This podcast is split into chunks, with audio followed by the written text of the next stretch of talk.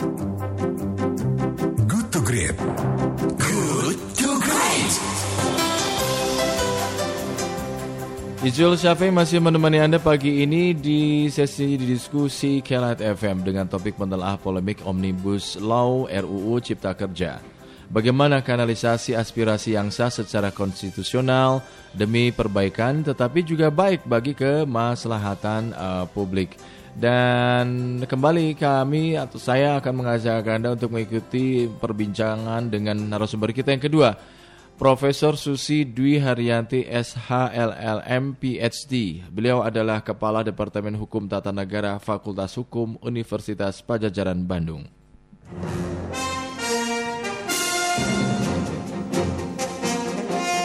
Selamat pagi, Prof. Apa kabar? Selamat pagi, Kang Ijo. Alhamdulillah baik. Alhamdulillah sehat walafiat ya, Prof.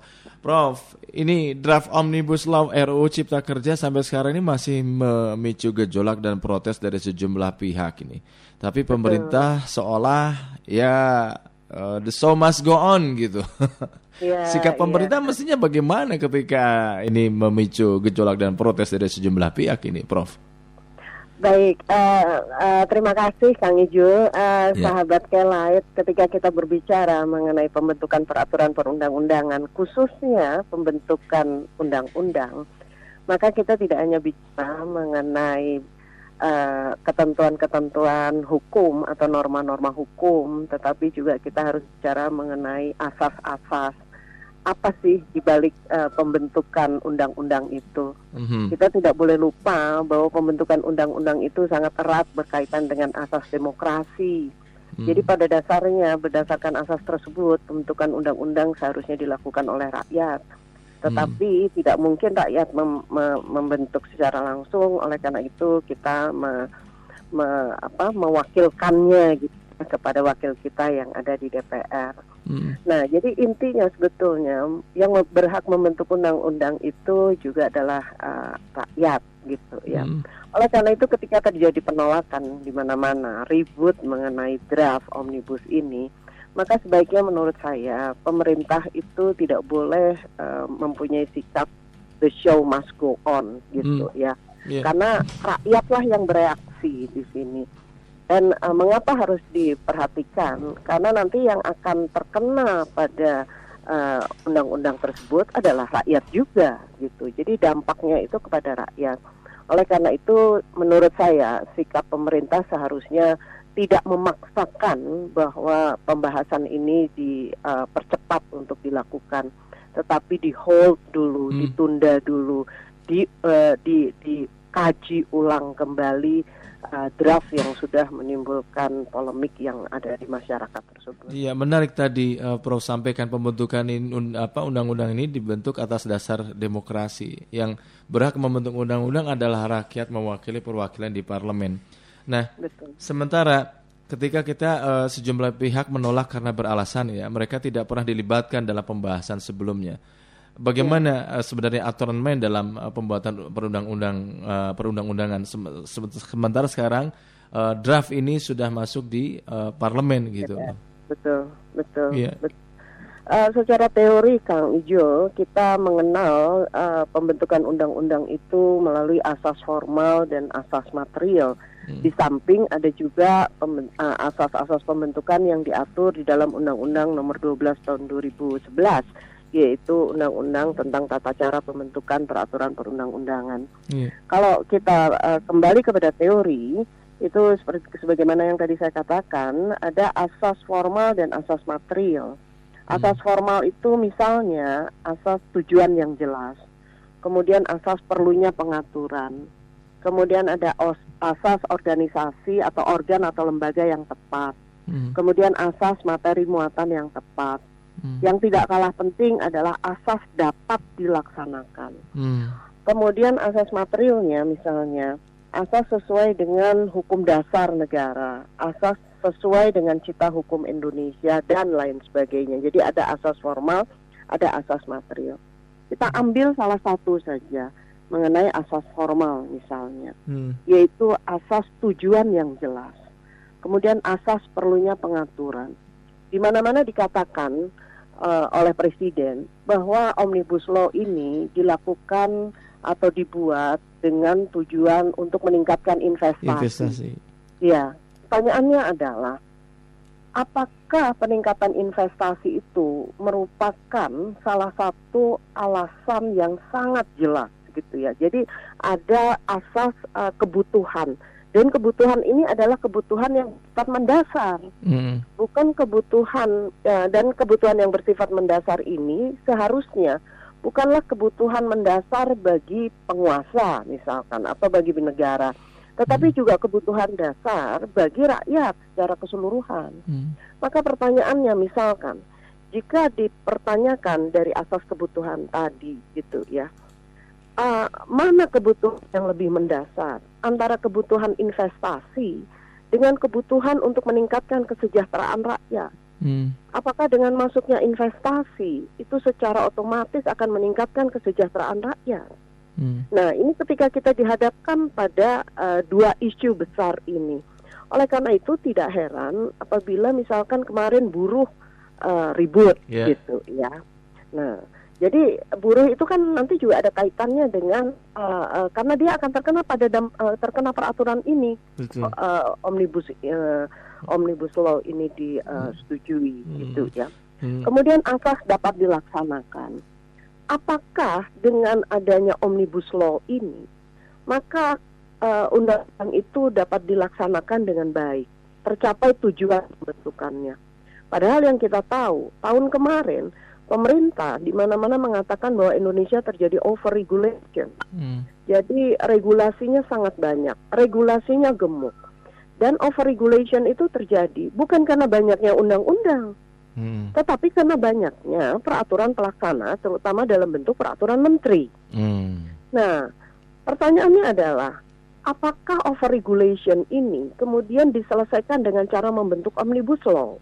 Hmm. Kalau omnibus law itu kemudian dibuat, tetapi dibutuhkan juga peraturan pelaksana, saya tidak yakin bahwa itu tujuan pembentukannya akan dapat tercapai dengan baik. Mm. Iya iya iya. Nah, itu itu asas pembentukan ya. Iya.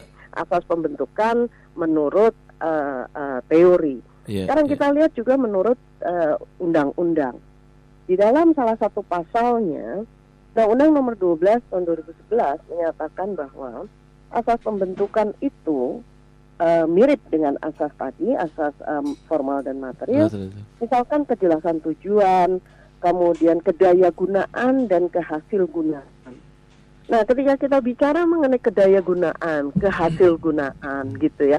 Apakah itu sudah dihitung dengan benar melalui naskah akademik? Mm. Kan naskah akademik itu harus dibuat karena itu merupakan eh, apa pertanggungjawaban bahwa sesuatu hal itu perlu diatur dalam eh, sebuah undang-undang. Nah, pertanyaannya adalah apakah di naskah akademik itu sudah dapat kita melihat argumentasi yang jelas mengenai dampak-dampak yang diakibatkan dengan keluarnya omnibus law ini? Mm. Misalnya dampak ekonomi. Jadi berapa dampak ekonomi, berapa beban ekonomi yang akan di eh, apa namanya di di eh, ini oleh negara yang Iya. di, tem- eh, diterima oleh negara. Kemudian juga beban ekonomi masyarakat dengan munculnya omnibus law ini. Masyarakat itu bisa bermacam-macam. Iya. Bisa masyarakat dari kalangan pekerja, Mm. kemudian dari kalangan pengusaha, Mm. dan masyarakat, masyarakat lainnya yang terkena dampak peraturan. Betul. Prof, dalam situasi seperti ini, terlebih eh, kita baru dapat informasi ini dari Komisioner Pemantauan eh, dan Penyelidikan Komnas HAM, ada laporan dugaan pembubaran, pembubaran diskusi RUU Cipta Kerja oleh oknum polisi yang diselenggara- diselenggarakan oleh sebuah eh, kelompok masyarakat gitu, Prof. Nah, pertanyaannya, bagaimana kanalisasi aspirasi yang sah secara konstitusional supaya ada perbaikan, tapi juga ini baik juga bagi, bagi kemaslahatan publik gitu, Prof. Betul. Eh, eh, saya melakukan eh, kritik dan protes keras terhadap pembubaran itu, pembubaran diskusi tersebut.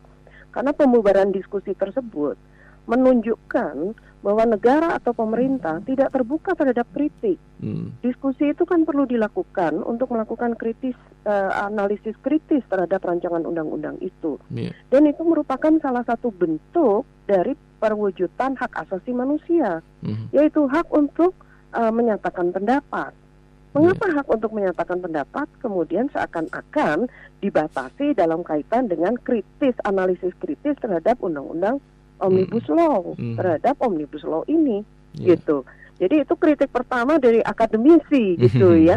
Jadi ini ini kan uh, seakan-akan ketika terjadi pembatasan-pembatasan terhadap hak atas uh, kebebasan untuk menyatakan per- ber- uh, berpendapat, Berpendapat. maka itu kan uh, kita kita menghadapi dalam menghadapi situasi apakah demokrasi ini mengalami kemunduran Iya. gitu ya demokrasi di Indonesia mengalami kemunduran bicara mengenai kanalisasi orang tidak boleh lupa pemerintah tidak boleh lupa bahwa partisipasi masyarakat itu merupakan salah satu asas penting di dalam pembentukan undang-undang menurut uh, Undang-Undang Nomor 12 Tahun 2011 Iya. Pasal 96 mengatakan masyarakat berhak memberikan masukan secara lisan dan atau tertulis dalam pembentukan peraturan perundang-undangan. Hmm.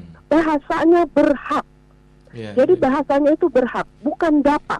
Mhm. Oleh karena itu masyarakat itu berhak memberikan masukan.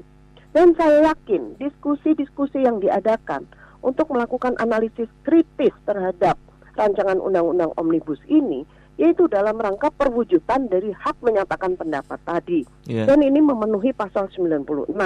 Hmm. Nah, kita lihat pada tahap apa eh, masukan tersebut diberikan. Di sini dikatakan dalam pembentukan peraturan perundang-undangan. Hmm. Kalau kita lihat uh, makna dari pengertian pembentukan peraturan perundang-undangan menurut pasal 1 angka 1 dari ketentuan yang sama kan bahwa pembentukan peraturan perundang-undangan itu mulai dari tahapan perencanaan, Iya. penyusunan, Hmm. pembahasan, pengesahan atau penetapan dan pengundangan. Hmm. Jadi bukan hanya masukan itu pada tahap pembahasan Iya, yang iya. sudah dilakukan di DPR. Hmm. Tetapi masukan ini berasal mulai dari tahap perencanaan dan penyusunan. Iya, iya.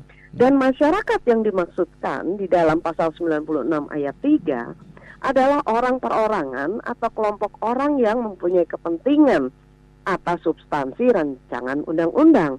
Mhm. Bunyi penjelasannya mengatakan kelompok orang itu dapat termasuk kelompok atau organisasi masyarakat, kelompok profesi, LSM, dan masyarakat adat. Oleh karena itu, pengertian masyarakat di sini menjadi sangat luas. Iya, iya. Dan ayat 4 mengatakan bahwa masyarakat tersebut harus diberi akses terhadap rancangan undang-undang tersebut. Hmm. Akses masyarakat pada tahap perencanaan di mana? Tidak Hmm. ada Tidak sama ada, sekali iya. akses masyarakat. Iya, iya, Di iya. dalam tahap penyusunan di mana akses itu dikeluarkan atau disediakan oleh pemerintah tidak ada juga.